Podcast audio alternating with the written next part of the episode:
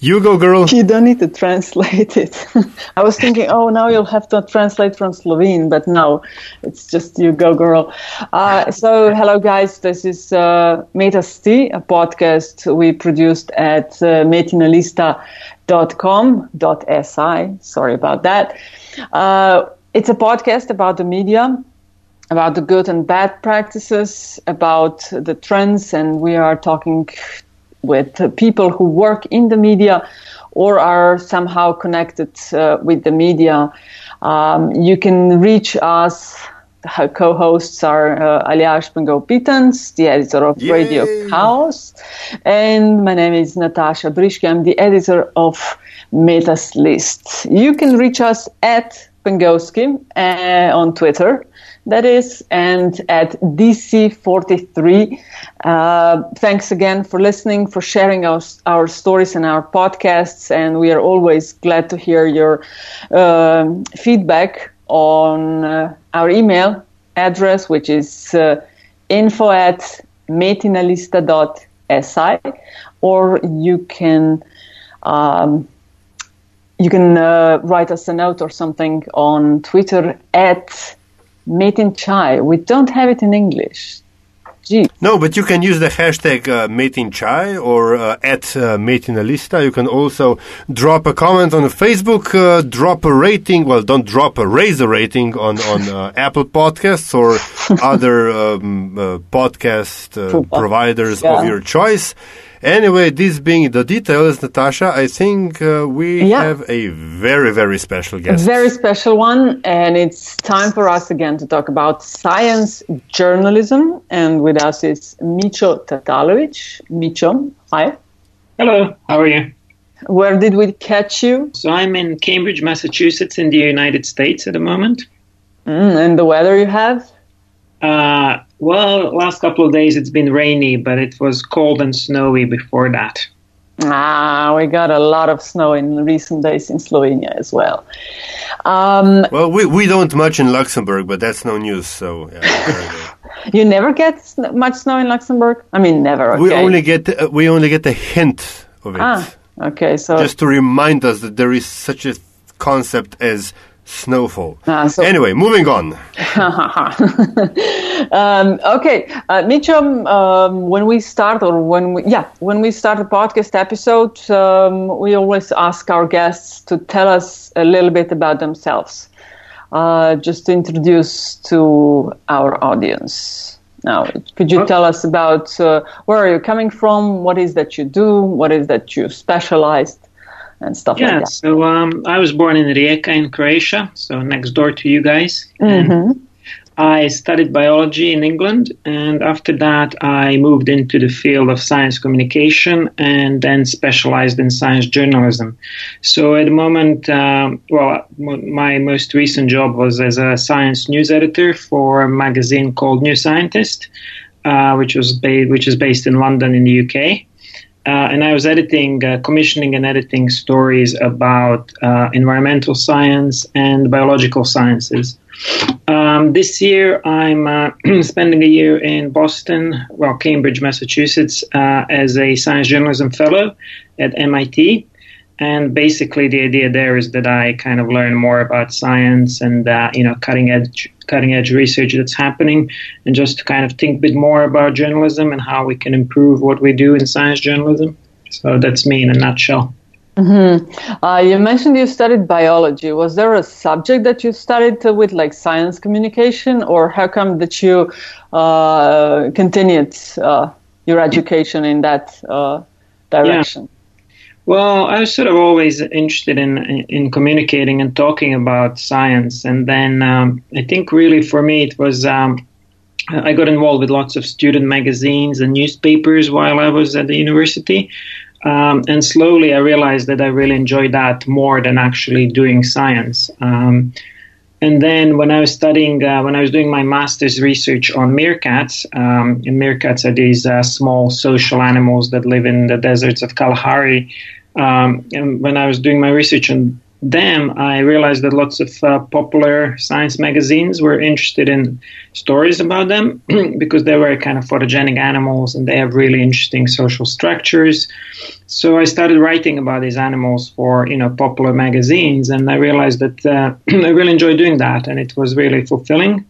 Um, and then slowly, I sort of transitioned from researching uh, science to writing about about science for a living because mm, that is not like a very frequent thing to do yet. I think you might be one of the pioneers because we, me and Aljaž, we spoke uh, some uh, often actually to, to scientists as well, either on Twitter or on our podcast, and uh, they tell us that um, a subject as science communication wasn't something uh, that was in their curriculum yeah, I mean, there was no curriculum, um, there was no science communication in my curriculum either. It kind of developed um, more as a side thing, right? So as a student, I, uh, you know, this was an extra thing that I did. I got involved with student newspapers and, you know, this whole idea of being a journalist and writing about things was really interesting to me. So uh, there wasn't really yeah anything at the university when I was a science student uh, to teach me about that. Uh, but so do you think, think it should be? Um, I think so, yeah, because um, I think it's an important skill, and more, you know, more well, recently, scientists are being asked more and more by even their, you know, uh, funding agencies to communicate about yeah. their science and to yeah. engage with citizens. So I think it makes sense to kind of help scientists talk and write about their research in, in, in a simpler way. Um, and you know, while I'm here at the MIT and Harvard, I go to lots of lectures given by researchers. Uh, and really, the majority of lectures are not that good because I think um, you know they they use lots of jargon. They mm. they go straight into really technical details of yeah, how to do something. Yeah. They never tell you, you know, why they're doing it. What's the big picture? So just being here at you know some of the best universities in the world uh, you know, I realized just how bad uh, lots of scientists are at uh, talking about what they do. So I think, you know, it, it, can definitely benefit scientists to have some more media training. And it can help, you know, uh, their research get out there and uh, more people uh, learn about what, what, it is that they do. But Mitja, what you described now would in the in the non-scientific realm would be described as public relations rather than journalism. Oh yeah, um, I'm talking about uh, scientists, and I think obviously, obviously, I'm just, just try, mm-hmm. uh, trying trying to graphically illustrate the point uh, because um, oftentimes journalists um, they don't know how to cover science because mm-hmm. you know sometimes you I don't know cover business then uh, okay, things are improving, but science was often relegated to, I don't know, second or third tier journalists who didn't, well, weren't good enough for anything else. So the wisdom went, um, how do these two worlds, the world of, of, of, world of journalism with its own set of rules, written and unwritten, and the world of science, how do they collide? And what's your perspective on that? Mm-hmm. Uh, well, I think you know. I think you're right in saying that there are not enough science journalists. So, uh, I mean, really, to cover science properly as a journalist, I think you need to have some experience and some knowledge of science. You need to know how science is made. You need to understand some sort of, uh, you know, classical errors that happen when when you don't understand uh, science. So, for example, you know, correlation and causation. If 2 mm-hmm. things are correlated, they happen at the same time um, that doesn't mean that one causes another one, right? So, you know, it could be snowing right now outside, and I'm having a Skype interview with you guys, but that doesn't mean that our Skype interview is uh, causing the snow, right? Uh, but we often see in the media that the journalists who don't appreciate those sort of differences will report, you know, on science issues um, like that. So they will say, things like it's snowing, so therefore, you know, they, there can't be climate change or something like that. So oh, think, yeah, yeah. yeah. so I think, you know, there's some kind of, um, there is some specialized knowledge that you need to understand and know about as a science journalist, and uh, that takes a while to develop, right? So it's not easy to, to become a science journalist. Um, and I think um, another problem is, of course, that scientists often, you know, they don't appreciate um, when media write about them or talk about their work. Uh, you know, they often feel like it's misrepresented, it's not accurate. Um, so sometimes there's this kind of, as you say, a collision between the two worlds, and it's not always a happy ending. So I guess you know I'm, I'm trying to think, and I think lots of science journalists are trying to think how we improve that, uh, while kind of maintaining a critical and objective reporting on science. You know, not not turning our, ourselves just into PR machine for scientists. Mm. Well, yeah, because that was to be my next question. Um, and I'm sorry if I go on a, a clickbait streak right now, mm-hmm. but um, uh, one of the imperatives of journalism is to show the other side or the other opinion within reason, obviously. But uh, in the world of science, things can get tricky. Take, for example, anti vaxxers, where there is a more or less scientific uh, consensus that vac- vaccinations are uh, vaccines are good, that vaccinations work and have an overwhelming overwhelmingly um, beneficial effects, and yet the normal journalistic discourse would be to seek the opinion of the other side, in this case being the anti-vaxxers and their conspiracy theories. So, how do you reconcile the two? Yeah, that's a good question, and that's one of the big challenges. That um, you know, how do we stay, you know, critical and objective science journalists uh, while appreciating that scientific reporting and scientific world is slightly different uh, than other types of reporting. So, say politics, right? Um, mm-hmm. And I think one, maybe one important guideline is to always think about, you know, evidence. Weight, we say weight of evidence. So. Um, is there much more evidence for one thing than another? So we as science reporters, we're trying to tell the people the truth, right? And the truth being, you know, where most of the evidence lies at the moment. Um, and I guess one, you know, one challenge is that sometimes people confuse evidence and opinion. So anyone can have an opinion on vaccines, right? But if you if you don't have evidence to support your opinions, then that, that's that that's a problem. And I think often in the science reporting or in kind of bad science reporting, what happens is that people will interview scientists who might have spent five, six years or maybe their whole career studying something, and then they will quote someone who's just, um, you know, um, someone who has opinions on this, but they're not really qualified. They don't have evidence. They haven't collected their own data. Uh, and they provide these two opinions in the same article and it seems to the reader that you know it's like 50-50 you know the reader is not clear about who's right uh, and this is the challenge for journalists to go that step further and say you know even though we have these other opinions the weight of evidence everything that we know from data um, indicates that you know the scientific point, you know, view is correct. I think that's something that we often don't do.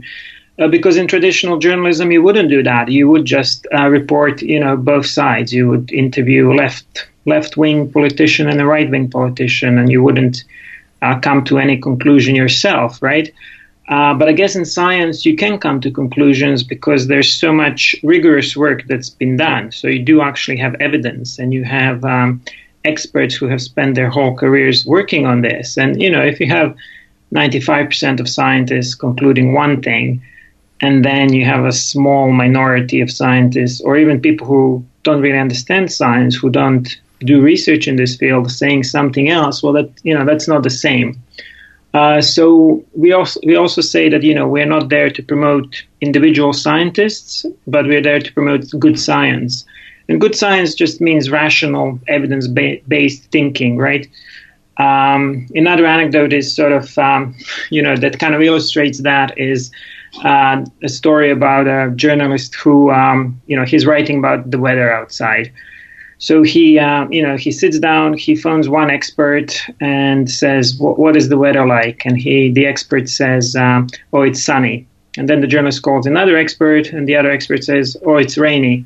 So then the journalist goes to his computer and types up the story, and he says, Experts disagree on what the weather is like. One says it's sunny, the other one says it's rainy, and that's your story, right?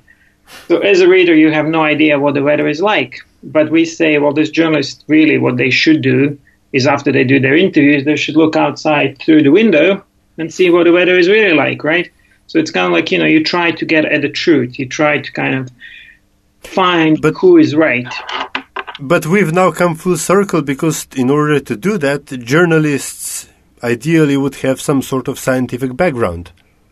Um, to to perform this final feat of sort of weighing the evidence in a correct manner. So yeah, may, maybe not always. I mean, you don't have to have scientific background in order to understand that there can be huge amount of evidence for one thing or another. You know, um, you know, let's say you know things that are outside the science realm as well. So you might think about North Korea and you know what, what is the evidence like that they have uh, you know nuclear weapons or something like that. You kind of you know you would want to um, you would want to kind of think about these things. Sorry, maybe North Korea is not a good example. I'm trying to think of a better example.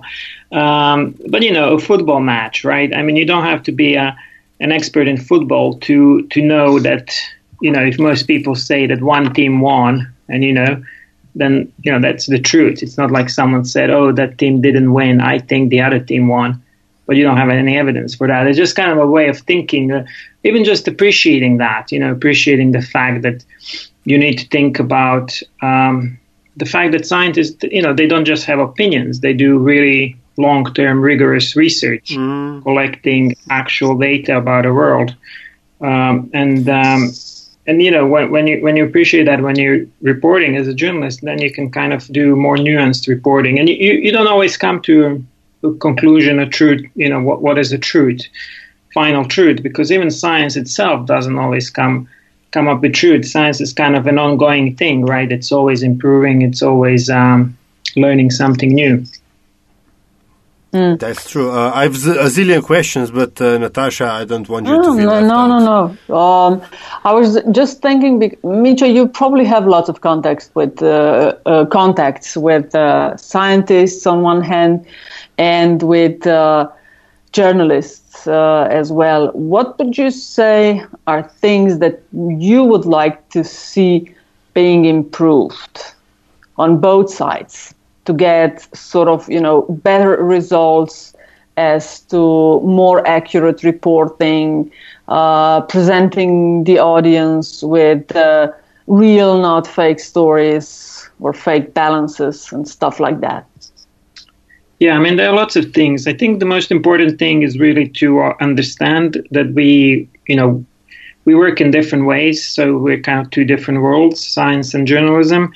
Uh, and just appreciate that we can't, you know, a journalist might have only one or two days to write a story, and a scientist might have spent four or five years researching, you know, that issue. So you know, it's kind of different worlds. And you, as a scientist, you need to appreciate that media work really quickly and they will write short stories about your work. And also, I think as a journal, journalist, you should appreciate that, uh, you know, for a scientist, uh, you know, talking to you might affect their career and they're talking about something they really care about and something they've spent, you know, years studying. So, uh, I think just if we kind of uh, come together and uh, you know approach each other with sort of a uh, certain level of understanding and respect, I think it can uh, it can help us both kind of communicate better about science. Um, I think. Do you yeah, feel? Oh, go ahead. Yeah, go ahead. Sorry, go ahead. No. no, I was just thinking. Do you think of yourself to be more a scientist or more a journalist, or is just in between? Well, I'm kind of I'm a journalist now. I think I started off wanting to be a scientist, but I think um, sorry. Yeah, I realized, uh, I realized alongside, you know, while I was doing my research that I I wasn't especially good scientist, and I wasn't um, and I wasn't really enjoying 100%, uh, you know, the life of a, of a research scientist. So I think that's really what got me uh, to change careers. Um, and also, you know, I think I just kind of enjoy myself more when I get to write, when I get to learn about different things every week and get mm. to read about different things in science. So I love science, but what I really like doing is telling stories about that science. Mm. Uh, so I think, and that's I think that's kind of a journalistic sort of impulse to find a story and then to have a need to tell it to the world. So really, I think at this point I'm more of a journalist. Um, but you know, a journalist who has a interest in science, and I think has a sort of appreciation that science is important for society. Um, but you know that doesn't mean that there isn't bad science and that, that, there aren't bad scientists. And as journalists, we also have to keep that in mind and be uh, be capable of tackling those issues. I think a big problem is that um, you know general generalized journalists who don't cover science normally they don't always understand that, and they can um, you know they can get misled by. Uh-huh non-scientists into thinking that you know something like vaccine science or climate change science or evolutionary science is bad and then you know and then you have all these stories that lead to public misunderstanding and that lead to um, you know challenges from the public about scientific consensus on things like climate change and evolution and safety of vaccines and things like that. Um, so I think the challenge is to um, you know educate journalists and editors about science and how to cover science. Um, and the big challenge traditionally there has been that they just you know didn't care because they didn't come from a scientific background. And uh, as you guys already said, you know, science was considered not to be as important as, say, sports, politics, or uh, economics, which which which is not true anymore because these days yeah, science yeah, it's changing. Kind of yeah, world, right? It's changing, and I think that the scientists and the scientific institutions are more aware of, of, that need and are more also active in that regard. I think so. At least that's that's what I see. Yeah, and I think the challenge then is also, you know, I mean, scientists in science world they are interested in sort of, I mean, they do a lot of PR, so they are interested in presenting themselves in, um, you know, in, in a positive light in media. They want to say that they're going to solve this or that problem, and I think challenge there is uh, for journalists to be a bit more critical. So don't just, you know, don't just be a spokesperson, a mouthpiece for scientists, because yeah, yeah. often scientists will say, you know, we will find, you know, this or that and uh, source of biofuels, or you know, we will grow spare organs in the lab or whatever, and that doesn't happen. You know, um, so we had lots of promises that haven't really been achieved. Um, so you know, we do need journalism and we do need uh, media to kind of keep uh, scientists a bit more, I guess, in check and just make sure that they're not you know, because science is funded through taxpayers' money, right, to public money. So if you're mm. throwing money on research that's not really um, necessarily yielding benefits, uh, we, we, we, might want to rethink that and maybe put money into some other field of science. So it's mm. important to keep science and science PR in check as well, I think, right? Um, and you know, there's lots of competition in the science world between different types of science, between different research institutes. So figuring out who deserves the money and why is, is also an important part of, I think, journalism.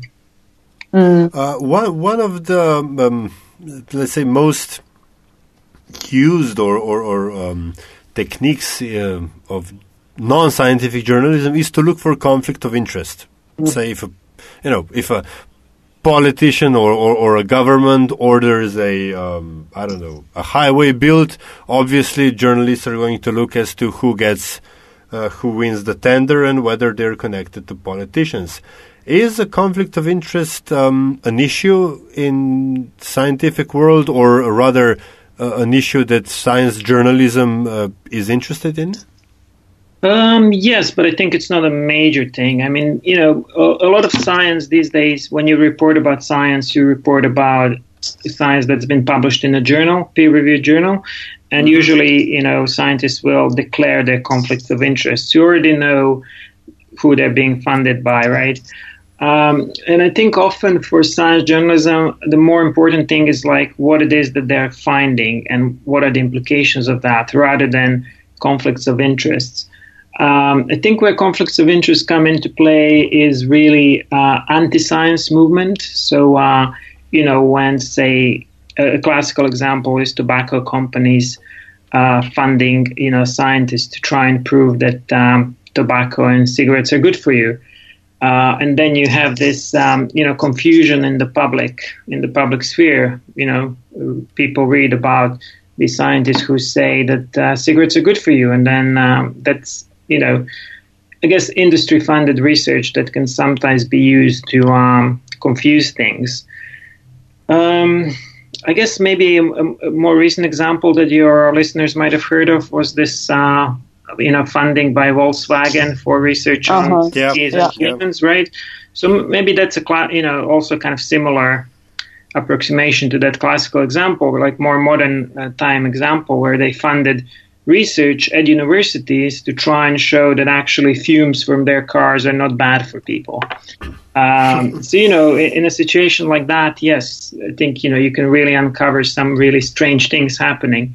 Uh, but I would argue that that's probably a minority of cases, right? I think most scientists, most science is, um, you know, is good. It's publicly funded. And I think the more important thing is like trying to figure out what it is that the results are telling us. You know, will we one day really be able to, you know, beat some diseases and how do we get there? Is our planet really being warmed up and to what extent? And what would that mean for our economies and livelihoods, right?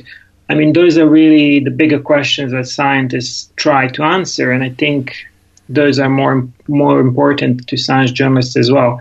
So conflicts of interest, yeah, that they, they can make great stories, but it's just very small part of science reporting, I think.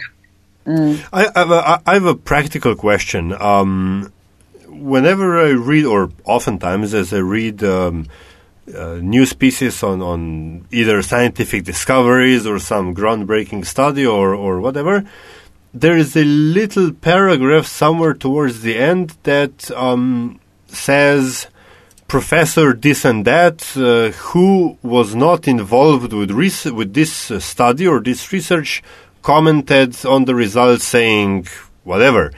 Now, it, and, and this format repeats itself uh, across uh, news outlets, across subjects, across wherever is that something? Is that a, an established practice to go out and seek an opinion of somebody who is not who wasn't involved with a particular study that's being reported on? Uh, yes. So uh, I mean, I think you probably find similar things in other types of journalism. Uh, but basically, the idea there is that you don't just uh, trust one scientist, right? Because uh, you know, often when you talk to scientists about their work, if you get them relaxed enough, they will tell you all sorts of things and they will go beyond evidence, right? They will tell you, well, my evidence shows X, but I really think the bigger picture is Y. But they can't just, you know, they can't prove it yet. So, mm-hmm. but in order to kind of prevent them from saying too much and just believing them, you talk to other scientists who work in the field, who have similar levels of expertise, who have collected their own data. And so you really want to do, we call it a peer review within journalism. So you want that new scientific discovery peer reviewed by other scientists and have their views on it. Uh, so we really do it in order to ensure that uh, because we are not experts always ourselves, we don't know whether this new paper is good or not, whether the new discovery, whether we can trust the new discovery. Then we ask other experts about it. Um, so yeah, it's fairly established, and I think it's a good way of kind of of kind of doing that, ensuring that we don't fall for bad science. And often you will, uh, you know, during the reporting, when you talk to experts, you will come across people who will tell you, "Oh, this new discovery is probably false." And they will give you good reasons for it, right? Maybe the scientists used bad methods, maybe their sample size is not big enough. You know, if you only study six people, you can't really claim that all of humanity, you know, yeah. conforms to this. So it's just a standard way of kind of catching those, and we often, you know, we often don't do stories uh, if other experts tell us that they're bad.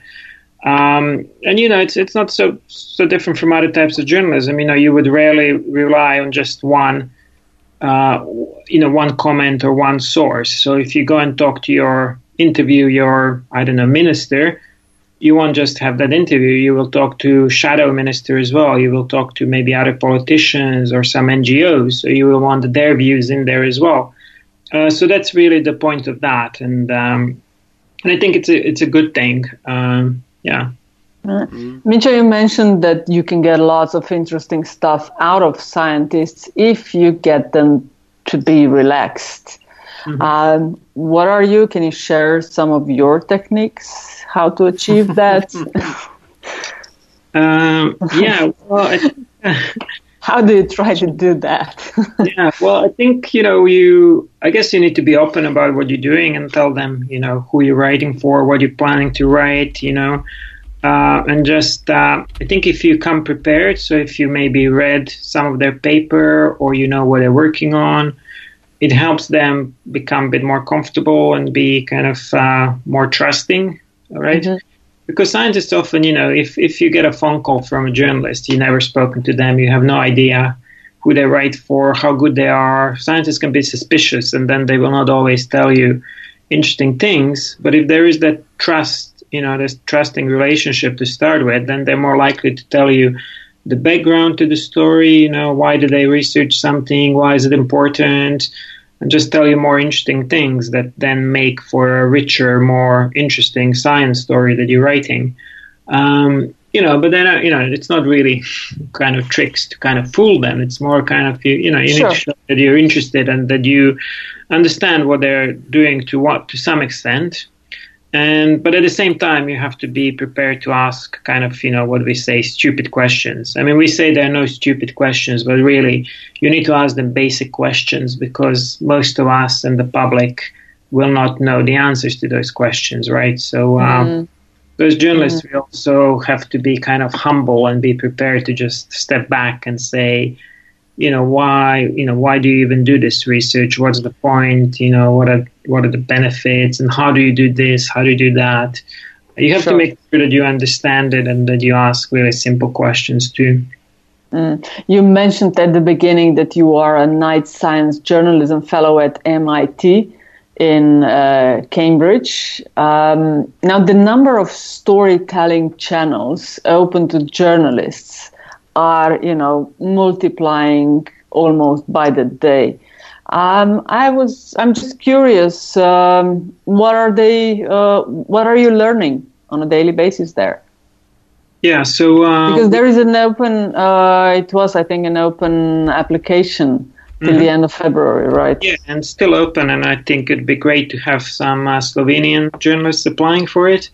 Um, really, uh, we're learning mostly science, so we go to lots of science lectures, and you can take any of, uh, you know, something like 7,000 courses at Harvard and MIT in any science you want.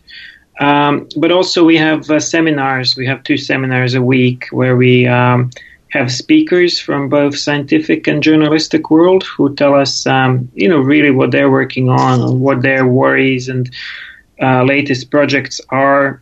And a lot of this is sort of off the record uh, when they speak to us. So we really uh-huh. hear kind of behind the scenes sort of thing. We, we, we get to appreciate how, you know, how things really come about and how they're done. so we're not here as journalists to report. We're here really to learn how, sure. how this world of science, sure. journalism works. Um, so, for example, two weeks ago we had a mobile phone journalism um, workshop uh, two days where they we were learning how to use our mobile phones to report, you know, in photography and in video, and how to basically enhance our written written journalism with really easy to get multimedia content. Uh, we were also learning podcast skills, so how to do kind of uh, the stuff that you guys are doing right now with me. yeah, were you learning also like uh, how to successfully pitch a science story to media? Uh, yeah, well, kind of most of us already know that, and some of us are editors. So uh, really, it's kind of a bit more advanced than that, right? So they're trying uh-huh. to teach us kind of cutting edge software and hardware to use for for uh, reporting uh, and then just kind of think about deeper issues in science. So, for example, one one big issue is uh, science news stories. Stories. So these days, um, a lot of science reporting is really short news articles, uh, and they're based on individual research papers. Um, so, a scientist publishes a paper. Um, they send a press release. A journalist sees a press release, and they write a short story. And so lots of people are saying that that's uh, that's kind of a bad model and it's it's misrepresenting science because one paper is never the final say on anything, right? It's never final truth. Mm. Science is incremental, so you need many many individual papers to come to some kind of an agreement in uh, in the field about what it means. So you know we're hearing from lots of people about that how you know if that's not right thing to do? What should we be doing as journalists? What type of stories should we be doing and how? Um, and it, you know, it's one of those things where there aren't really answers yet. Just people are recognizing trends and challenges and uh-huh. trying to think of what we can do about it. Um, yeah, so it's it's exciting that way because it's kind of um, uh, well, it, it's it's intriguing for a journalist just to think about that, to reflect on your own practice and how you can improve. Yeah. Um, just wondering. Um, obviously, you're working with with uh, English language. Uh, what's it, what do you call them? Scientific news outlets. Yeah. Uh, but is there a um, cultural or or an otherwise different approach in um, scientific media in other languages? I mean, to put it bluntly, do the French do it differently? I think so, yeah. And I think, uh, I mean, I'm quite well networked with journalists from around the world, and I think you do have different, uh, you know, regional and language, um, you know, differences um, in practices. Uh, so I'm mainly kind of trained in the Anglo-Saxon sort of tradition, where you really, you know, you, you always want to talk to the source. You want to see the source document, research paper, you want to read it. And then you want to have comments. You want to have comments from external experts, right, about this. Is this good science? Why does it matter? What are the potential implications? Um, and I think another step that we often don't do in science journalism, but I think is important, is to talk to people who will be affected by this discovery or talk to NGOs and uh, civil society groups who are, uh, you know, who, who are working in this field, you know, be it medicine, being agriculture, whatever. Um, because we often just talk about science and we don't think about how that science will be applied to society and how um, how society will react to it. And I think a good example where that goes wrong is GMOs, right? Genetically uh, modified mm-hmm. organisms, mm-hmm. where scientists say it's safe. Uh, and you, if you talk to any scientist, most of them will say, yes, it's safe, right? So that's, it's not controversial, but the society often still doesn't want them, right? And that's a different concern. It's not a concern of scientific, it's not a scientific concern, it's not a safety concern uh, but we missed that out from our science reporting, right? So even if you have best science showing you that this is a good thing, it doesn't mean that the society will want it, right? And if we live in democracies, then we have to think, what does that mean? If we don't want these things, you know, if say vaccines, right? Maybe some people don't want to vaccinate their kids, and you can say, well, science says you should well, then it's kind of not really a scientific question anymore. Then it's kind of political and uh, you know democratic question. How do you deal with that? The fact that some people still don't want to do something, even though all the evidence shows that they should. Um, and I think so. I think the challenge for science reporters really is to kind of not just talking, not just to talk to scientists, but to talk to other groups about it. But not in a way that you know you talk to vaccine deniers who are claiming things that are not true but just talking to them and trying to understand why it is that they don't like vaccines for example. Um, so it's very challenging because you know we, we get it wrong all the time when we talk to people who are not experts and then we get a scientific worldview and the non-scientific worldview colliding in a story and doesn't make sense. And people try to use kind of fake science to support their views. So they will say vaccines are wrong or climate change is not caused by humans. But those are all kind of pseudo-scientific things that there's no evidence for them, right? But that doesn't mean that some people might not have valid reasons for, you know, not liking these things. So that's very challenging, and how we approach that is, um, I think, something you know we need, we need to discuss as, as a community, and we often don't do enough of that. Um, yeah, I think ho- hopefully that answers your question. Oh yes, Mićo, you're also a board member of the Balkan Network of Science Journalists. Uh, what's the aim of the, this network?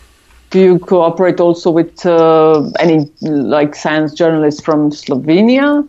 Yeah, so we're trying to, yeah.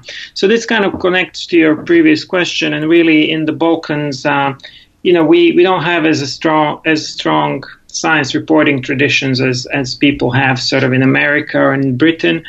Um, and really, when I started writing, you know, I, I, trained in the UK, and then I started writing writing in Croatian as well. you know, often scientists in Croatia would say, "Oh, I really like the way you, you write about science."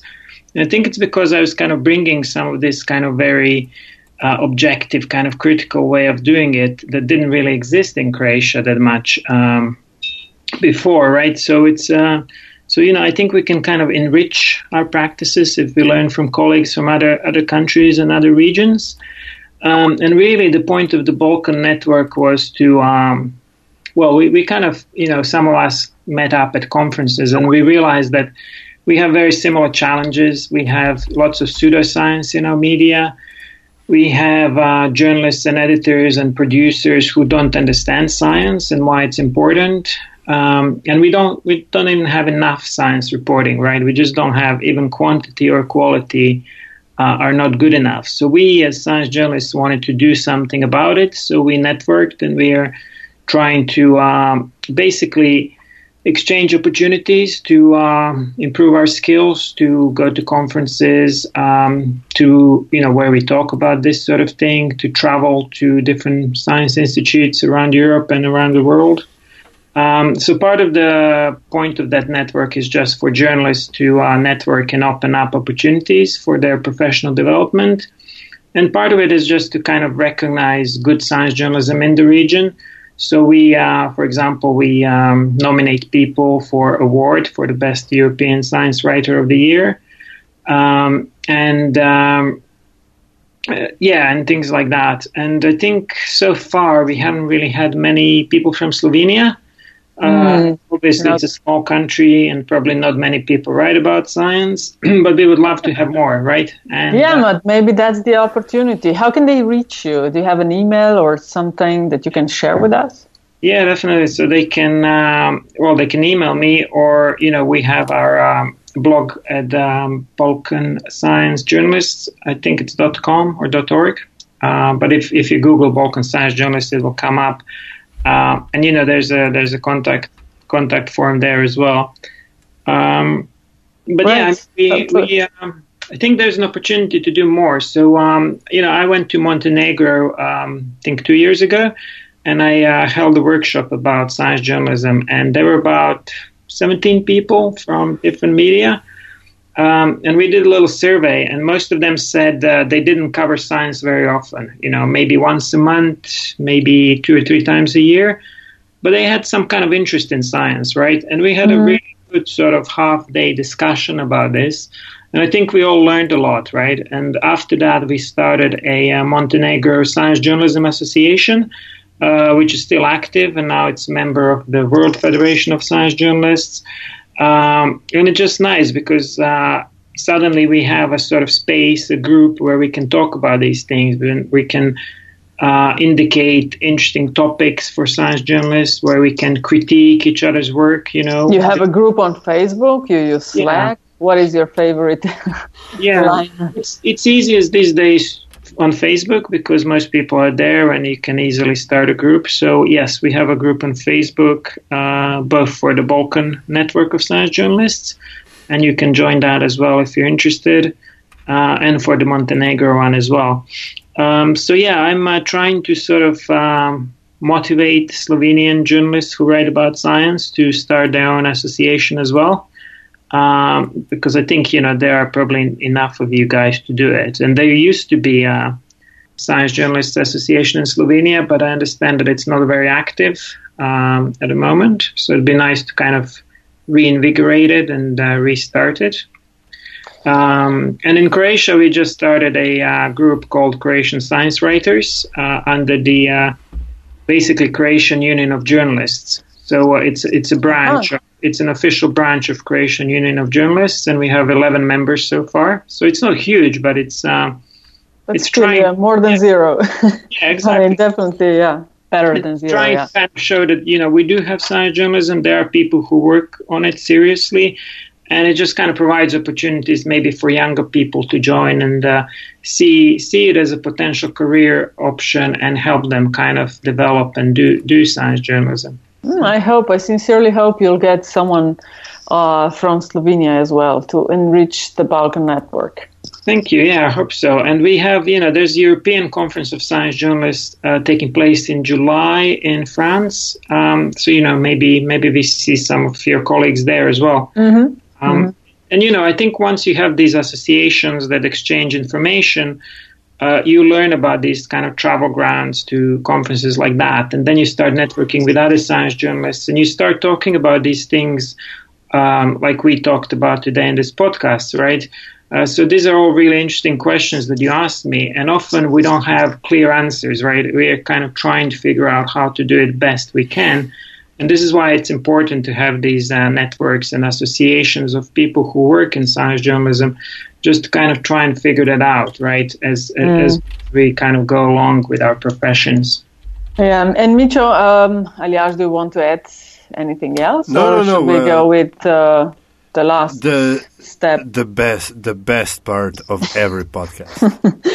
um, Mićo, I hope you remember. I sent you an email about. Um, how we ask every guest on our show the same question as a last question.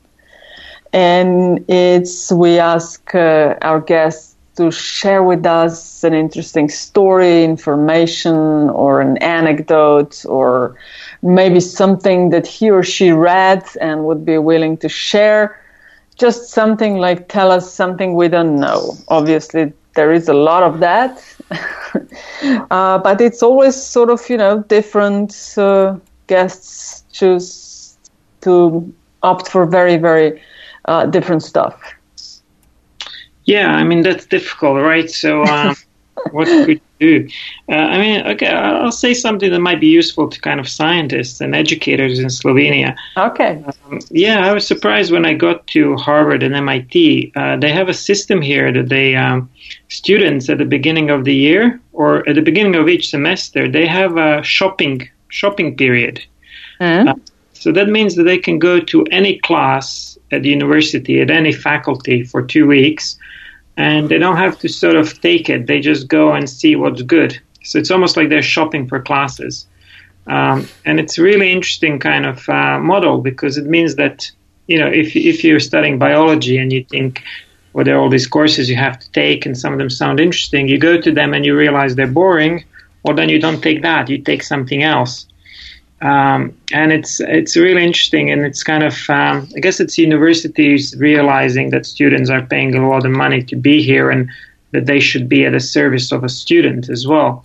So it's kind of um, just interesting that it exists. And at some faculties here, they even organize like full two days of um, shopping. So they call it a shopping day, uh, where uh, each professor has to give the same short lecture twice. Uh-huh. So half an hour lecture, then there's a 15 minute break. Students go somewhere else, and new students come in, and then they do the same lecture again. And that means that as a student, you can see something like 10 different lectures a day uh, and just decide what's most interesting to you. So anyway, it's kind of an interesting capitalist commercial uh, approach to universities and to studying that I think uh, could probably be useful in you know in our region as well. Also so, somewhere else, yeah. interesting. Stuck with boring professors and boring courses. um, Mitchell, thanks so much for sharing uh, this uh, interesting bit of information with us and uh, all about the science journalism that we talked. Thanks so much. Thank you for having me on your show.